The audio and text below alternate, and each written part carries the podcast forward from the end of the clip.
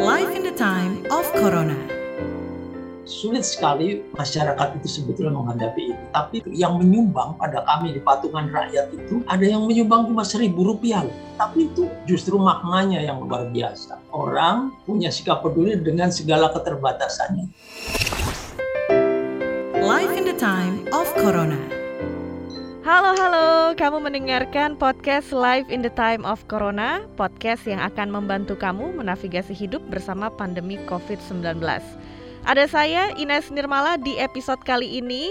Kalau membicarakan pandemi COVID-19, memang kita lihat kayaknya kok nggak selesai-selesai dan ini juga membuat ekonomi masyarakat jadi makin sulit. Bantuan dari pemerintah pun rasanya belum cukup untuk mengakomodasi kebutuhan rakyat dengan sepenuhnya. Akhirnya rakyat pun tergerak untuk saling membantu.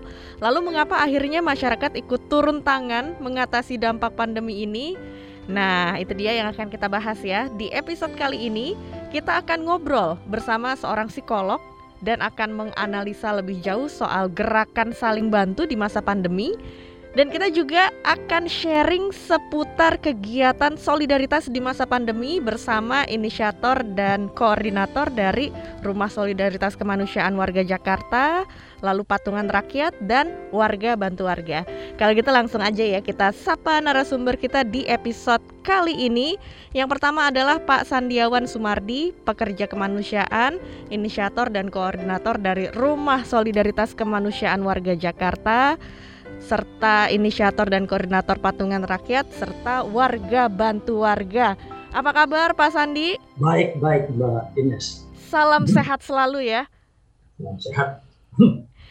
Dan berikutnya juga ada seorang psikolog yaitu Mbak Veka Angge Pramita. Halo Mbak Veka, apa kabar? Halo Mbak Ines. Iya, ini kita di tengah pandemi COVID-19 memang melihat adanya gerakan solidaritas yang dilakukan masyarakat di berbagai daerah dan satu di antaranya kita ngobrol dengan Pak Sandiawan yang juga inisiator dan koordinator dari Rumah Solidaritas Kemanusiaan Warga Jakarta.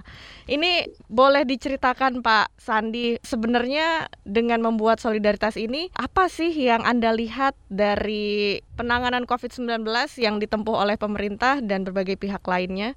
Sebenarnya saya sendiri sebagai pekerja kemanusiaan sudah lama bergerak terutama di bidang pendampingan dan pemberdayaan komunitas-komunitas kaum miskin urban di Jakarta. Tetapi dengan dampak masuknya wabah COVID-19 ya dua tahun ini, ini memang ya memporak-porandakan kehidupan sehari-hari dari warga itu sendiri, tapi kita juga lihat dampak ini seluruh masyarakat Indonesia, tapi juga di seluruh dunia. Dan kita tahu pemerintah selalu mengatakan tidak ada pemerintahan yang siap di dunia ini menghadapi COVID-19. Itu benar. Tetapi memang kami memperhatikan sekali bagaimana reaksi pemerintah yang bertanggung jawab juga untuk melindungi kesehatan masyarakat. Sejauh mana menjadi prioritas itu menjadi pengamatan kami, tapi sekaligus juga kami tidak ingin menjadi penonton begitu saja karena sehari-hari kami menyaksikan situasi yang semakin darurat. Nah, pada awal pandemi, kami sudah membentuk yang namanya Rumah Solidaritas Kemanusiaan Warga Jakarta. Kami punya jaringan komunitas-komunitas seperti di daerah Bukit Duri, lalu juga ada di Kampung Sumur,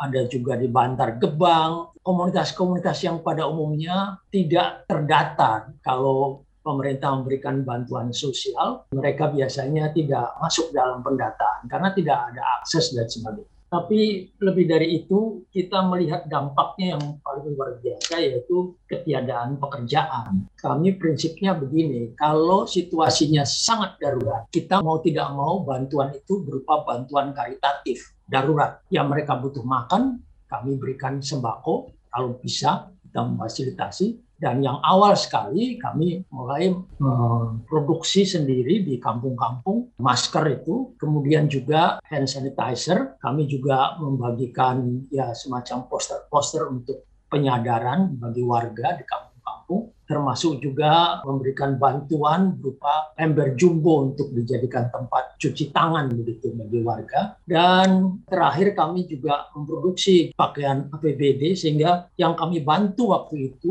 bukan hanya lingkungan kaum miskin urban di DKI Jakarta tapi juga Jabodetabek. Bahkan kami bisa membantu di rumah sakit-rumah sakit daerah sampai ke Nias. Karena kami juga menerima bantuan dari berbagai pihak waktu itu pada setengah tahun pertama ini sangat intensif kerja dan saya sendiri menjadi fasilitator dari forum akademisi dan praktisi forum kampung kota. Di situ ada wartawan-wartawan senior yang ada juga arsitek, ekonom, ada beberapa dosen, profesor, tapi di forum itu hampir semua koordinator setidak-tidaknya, pengurus dari lembaga-lembaga swadaya masyarakat seperti LBH, Walhi, KPA, dan Kontras, dan sebagainya, semua nyaris ada di situ, sehingga kami bisalah berjejaring. Nah, yang terakhir ketika gelombang kedua COVID-19 ini memukul kita sehingga suasananya begitu mencekam, maka saya berinisiatif untuk apa yang paling dibutuhkan mendadak. Waktu itu jelas sekali kelangkaan dari tabung oksigen. Sehingga kita menawarkan untuk mulai dengan saya, punya satu tabung oksigen, saya gunakan, saya sediakan, lalu saya minta bantuan teman-teman di forum kampung kota itu. Akhirnya kita membuka semacam untuk donasi dan saya berinisiatif mengumumkan itu di kitabisa.com patungan rakyat dan sekarang kami sudah memiliki sembilan tabung oksigen. Nah ini kita pinjamkan selama satu minggu kira-kira. Kebanyakan yang kami berikan itu pada warga ekonomi sederhana yang kena COVID, tidak dapat akses rumah sakit, harus isolasi mandiri. Maka kami juga sambil membantu juga memberikan bantuan yang namanya konsultasi dokter tapi juga kita memberikan bantuan obat-obatan dan vitamin terutama tentu setelah ada konsultasi dokter. Dan juga memberikan akses kan banyak tuh beredar di media sosial layanan misalnya juga dari yang pemerintah yang bisa diakses. Tapi kebanyakan waktu itu nyaris semua habis. Dan menurut pengalaman kami pendampingan seperti ini sama sekali bukan masalah pengorganisasian. Karena kita mendampingi manusia pada batas daya kemampuannya ketika dia krisis, bahkan dari sekian puluh yang kami bantu tabung oksigen itu, tiga meninggal dunia. Sehingga pendampingannya menjadi sangat personal, mau tidak mau, menemani. Nah ini problem yang sangat serius karena sebetulnya banyak sekali dalam dampak begini akibatnya manusia hanya menjadi angka. Itu bahayanya pemerintah di dalam bantuan-bantuan itu tidak melihat sebagai pribadi ketika dia sedang sakit berat, dia butuh disapa, didampingi dan didengarkan. Dalam keadaan ini memang yang paling parah orang merasa ditinggalkan. Memang inilah yang membuat Pak Sandiawan tergerak untuk membuat tindakan menolong sesama di tengah pandemi dan saya juga mau ke Mbak Veka di mana kita ngelihat hal membantu sesama di masa pandemi ini muncul gerakannya di berbagai tempat dan kelihatannya ini seperti tren gitu ya mulai banyak yang memberikan bantuan informasi, makanan atau peralatan medis dan lain sebagainya. Bisa dijelasin nih Mbak kenapa hal ini terjadi, munculnya gerakan tolong menolong di tengah masyarakat dan apakah ini juga karena Indonesia nafasnya adalah gotong royong? Gimana penjelasannya, Mbak? Jadi ketika bisa dijelaskan bahwa Indonesia memang nafasnya adalah gotong royong, hanya saja kalau saya lihat apa yang terjadi dan kita alami ini kan semuanya memang mengalami gitu ya. Dan kalau tadi dari ceritanya Pak Sandiawan sendiri, beliau dengan lembaganya ini dengan pergerakannya itu sudah melakukannya sebelumnya jadi sebelum ada pandemi itu udah. Jadi artinya secara sistem, secara alur Pak Sandiawan nih siap banget gitu ya Mbak ya. Jadi yang terjadi justru itu yang baik gitu. Jadi artinya setiap orang tuh memiliki kebutuhan-kebutuhan dan terpenuhi gitu. Hanya saja kalau yang muncul-muncul tanpa ada yang mengkoordinir, nah itu yang akhirnya jadi kita nggak tahu nih mana yang udah bahkan atau mana yang belum. Nah kalau tadi Mbak Ines menyampaikan kenapa ya bisa ini terjadi, ya khususnya tadi saya juga menangkap ketika si oksigen ini semakin berkurang itu membuat semua orang itu memang jadi wah kesulitan dan mungkin saya menangkapnya sih di awal orang ada kecenderungan malah menyelamatkan diri sendiri sebenarnya hmm. gitu di awal ya kalau tadi Pak Sandiawan bilang wah di awal-awal kita pandemi kita udah punya alur membuat ini, membuat masker, membuat APD gitu ya.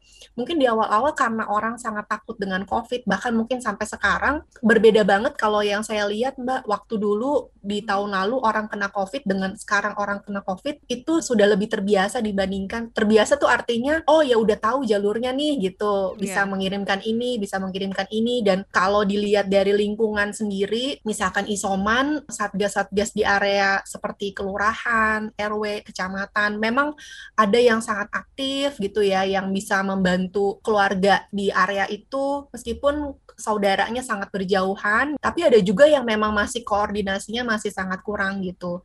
Jadi kalau yang saya lihat tidak hanya uh, gotong royong gitu ya, tapi juga rasa empati ini juga masih tetap ada gitu hmm. di masyarakat untuk memang saling peduli gitu dan sebenarnya sudut pandang setiap orang itu akan kalau kalau Pak Sandiawan nggak menjelaskan, saya nggak pernah tahu bahwa oh ternyata seperti itu ya kebutuhannya karena saya nggak pernah dengar informasinya nih gitu. Jadi bisa saja orang-orang yang mungkin belum terlibat karena belum tahu bahwa kebutuhannya harus sampai segitunya ya. Bisa dibilang begini nih Mbak, kadang-kadang saya pribadi berpikir kenapa sih tuh orang nggak pakai masker? Tapi saya juga akhirnya berpikir bisa jadi mungkin dia nggak punya duit kali beli masker gitu ya. Hmm. Kebutuhan utamanya untuk beli makanan dulu gitu. Jadi dampak-dampak itu yang kita nggak pernah terfikirkan sebelumnya sih. Ya, jadi memang ini gerakan yang muncul di masyarakat akhirnya masyarakat pun turun tangan sendiri karena masih ada rasa empati juga di dalam masyarakat untuk membantu sesama. Walaupun awalnya ada sempat terkesan panik atau egois mungkin di banyak orang gitu ya, tapi ternyata setelah kita berjalan kita belajar juga hidup di tengah kondisi pandemi dan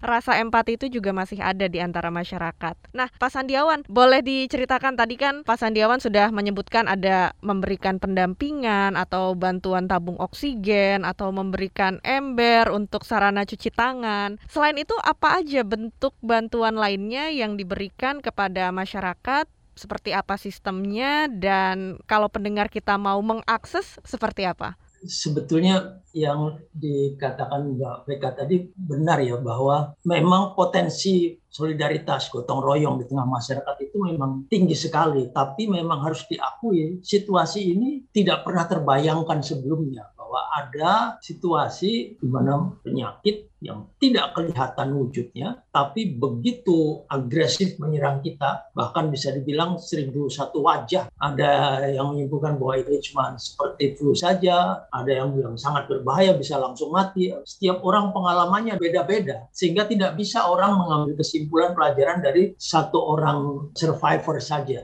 kita paling-paling hanya bisa menyediakan sarana-sarana yang umum, tabung oksigen, termasuk juga cara pemasangan oksigen, penggunaan hmm. oksigen. Tidak semua bisa memasang loh itu ada yeah. regulator, lalu juga selangnya, mengatur saturasi dan sebagainya. Berbahaya justru kalau tidak tahu salah bisa malah membunuh orang. Sehingga sulit sekali masyarakat itu sebetulnya menghadapi ini. Tapi bisa dicek lah, misalnya kita di kita bisa itu yang menyumbang pada kami di patungan rakyat itu mm -hmm. ada yang menyumbang cuma seribu rupiah loh tapi itu justru maknanya yang luar biasa. Orang punya sikap peduli dengan segala keterbatasannya. Situasi ini saya kira yang perlu di masyarakat makin mengerti bahwa kerjasama ada solidaritas juga. Ya tentu saja ada masyarakat yang tidak percaya bahkan dengan COVID. Tapi saya lihat situasinya tidak sesederhana itu.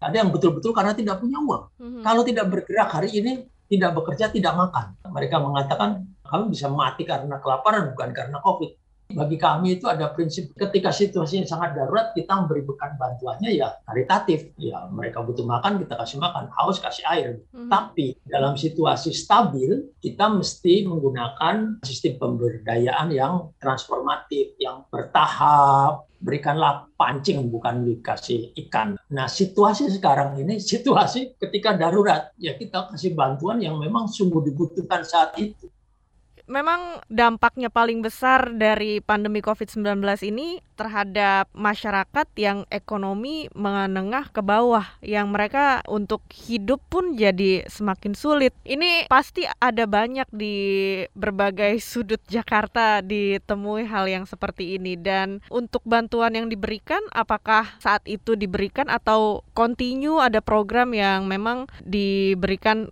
per minggu atau per bulan dari gerakan solidaritas ini seperti apa Pak? Ya tentu tidak ya. Misalnya waktu pertama itu kami begitu lihat dan pengalaman kami sangat kurang. Hmm. Bayangkan misalnya di daerah penjaringan satu tabung oksigen itu digilir untuk yang kritis-kritis itu. Yeah. Dan waktu itu betul-betul beli tabung oksigen di pasar tidak ada. Nah baru akhir-akhir ini mulai ada. Nah Mbak Veka, melihat dari adanya upaya saling bantu di masyarakat ini, sebenarnya apa sih dampak terbesar dari adanya gerakan ini? Setiap orang jadi digerakkan ya. Bisa saja kemanusiaan ini atau awalnya kita berdonasi terjadi karena kita memang sudah sering sebelumnya sudah melakukan. Maksud saya sudah ada, oh saya ingin menyisihkan sebagian dari pendapatan saya gitu ya untuk membantu. Namun tadi kalau kita udah punya pengalaman langsung dan dampaknya terhadap orang-orang yang dibantu ini adalah ya juga ingin membantu dan bagaimana caranya kita bisa selalu memunculkan pengalaman ini memang harus ada pengalaman yang lebih kayak harus kena gitu loh. Saya membahasakannya ini kayak dia harus kena dapat pengalaman itu baru akhirnya memang membantu dengan orang lain ini jadi dia munculkan juga gitu. Jadi dia tularkan juga jadi dia membantu orang lain juga. Sehingga dampak terbesar ya akhirnya semua orang yang memang bisa merasakannya sih meskipun e, bantuan itu bisa dalam bentuk apa pun gitu ya tidak harus uang gitu bahkan hanya untuk menanyakan kabar atau kalau saya sering kali kalau saya merasa dengan kata-kata ayo semangat gitu e, kita bisa bantu apa? gitu ya e, ditanyain hampir dua hari sekali mungkin gimana kabarnya itu juga satu hal yang juga memberikan e, bantuan gitu mbak dan kenapa akhirnya masyarakat turun tangan sendiri kemungkinan tidak bisa selalu pemerintah ya gitu ya. Mungkin yeah. kalau dulu-dulu kita mikirnya ini pemerintahnya ngapain sih gitu ya. Cuman mm -hmm. ini karena terjadinya terlalu banyak, nggak mungkin pemerintah itu melakukannya sendiri. Jadi memang harus kita turun tangan sendiri dan itu kalau saya pribadi sih saya sangat lihat di lingkungan terdekat rumah gitu ya. Jadi nggak harus karena saudara gitu ya, tapi bagaimana lingkungan-lingkungan itu di Jakarta itu juga saling uh, membantu meskipun ada juga yang masih sangat sensitif dengan maksudnya i covid i kena covid udah nggak mau deket-deket gitu misalkan atau nggak mau bantu lah itu juga masih ada gitu ya tapi saya lihat sih uh, cukup lebih banyak yang mau membantu kok gitu. Nah, Pak Sandiawan ini terakhir apakah ada pesan atau yang diharapkan dari masyarakat dan juga dari para orang-orang yang melakukan gerakan upaya saling bantu, seperti apa yang mau disampaikan? Memang betul, saya biasa bekerja sebagai pekerja kemanusiaan, tapi saya sendiri mengalami tiga bulan pertama ketika COVID masuk, kakak perempuan saya itu meninggal juga. Mm -hmm. Tapi memang dia komorbid ya karena ada cancer ternyata ketahuan tidak terlambat. Waktu itu pengalaman masih sangat mencekam, orang masih takut sekali dan semacam kena COVID itu semacam kena tulah, kena stigma di dalam masyarakat dan dijauhi luar biasa, seperti terisolasi dan seperti tertuduh yang yang harus pergi dari kampung itu, seakan-akan begitu dan juga waktu itu kan masih sangat takut ya rumah sakit juga tidak mengizinkan untuk mengunjungi bahkan pemakaman saya sendiri tidak boleh hadir situasi ini saya kira memotivasi saya yang seperti ini tidak boleh terjadi lagi. Maka saya mati-matian di dalam membantu orang begini karena ada pengalaman pribadi. Sekarang ini banyak sekali masyarakat yang mengalami seperti itu dan ingin memberikan contoh supaya jangan terjadi ini pada orang lain. Maka semoga yang seperti ini juga menyadarkan bagi masyarakat yang tidak percaya jangan menjadi sandungan dan bahaya bagi sesama begitu. Oke lah, boleh kamu berpendapat, tapi jangan membunuh orang lain. Pemerintah juga saya kira jangan sampai bersikap hanya memberi orang yang baik hati, yang mendominasi, yang menguasai, yang mengatur begitu. Jangan lupa pemerintah itu punya peran fasilitator, terutama untuk memfasilitasi supaya solidaritas masyarakat, survival system di dalam masyarakat ini lebih hidup. Saya kira ini yang membuat ketahanan bangsa ini lebih kuat ketimbang pemerintah menjadi yang paling tahu, yang Hmm. paling bisa mengatur, yang paling bisa memberi, bahkan menggunakan bahasa-bahasa politik yang tidak perlu dan situasi saat ini sangat sensitif kalau kita menjadikan perkara-perkara situasi kritis ini ditingkai dengan pernyataan-pernyataan politis yang tidak perlu.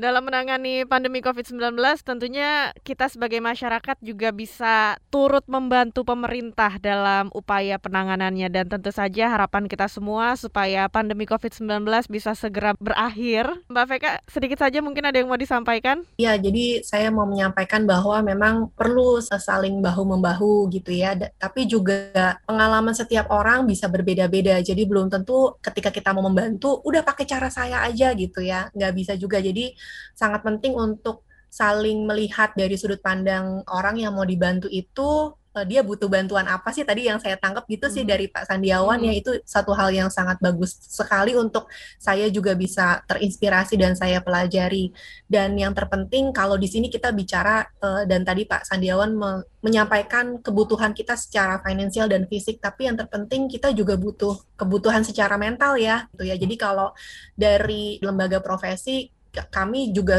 memiliki beberapa eh, hotline-hotline untuk Mhm. para pendengar bisa menyampaikan apa yang menjadi keluhannya gitu ya bahkan mungkin buat lembaganya Pak Sandiawan juga sebagai pendamping ya dalam hal ini juga sangat membutuhkan juga gitu meskipun kalau kita ngomongin nakes gitu ya tenaga kesehatan kita mungkin bukan tenaga kesehatan utama yang langsung di garda depan gitu ya tapi kita juga memiliki dampak yang besar ketika mendampingi rakyat atau penduduk yang memang sangat membutuhkan eh, bantuan kita jadi saran saya memang kita perlu selalu saling bahu membahu dan tetap berharap bahwa ya ini memang kita bisa lalui tapi mungkin tergantung dari bagaimana kita menghadapinya Thank you banget Mbak Veka dan Pak Sandi sudah ngobrol-ngobrol di podcast Live in the Time of Corona.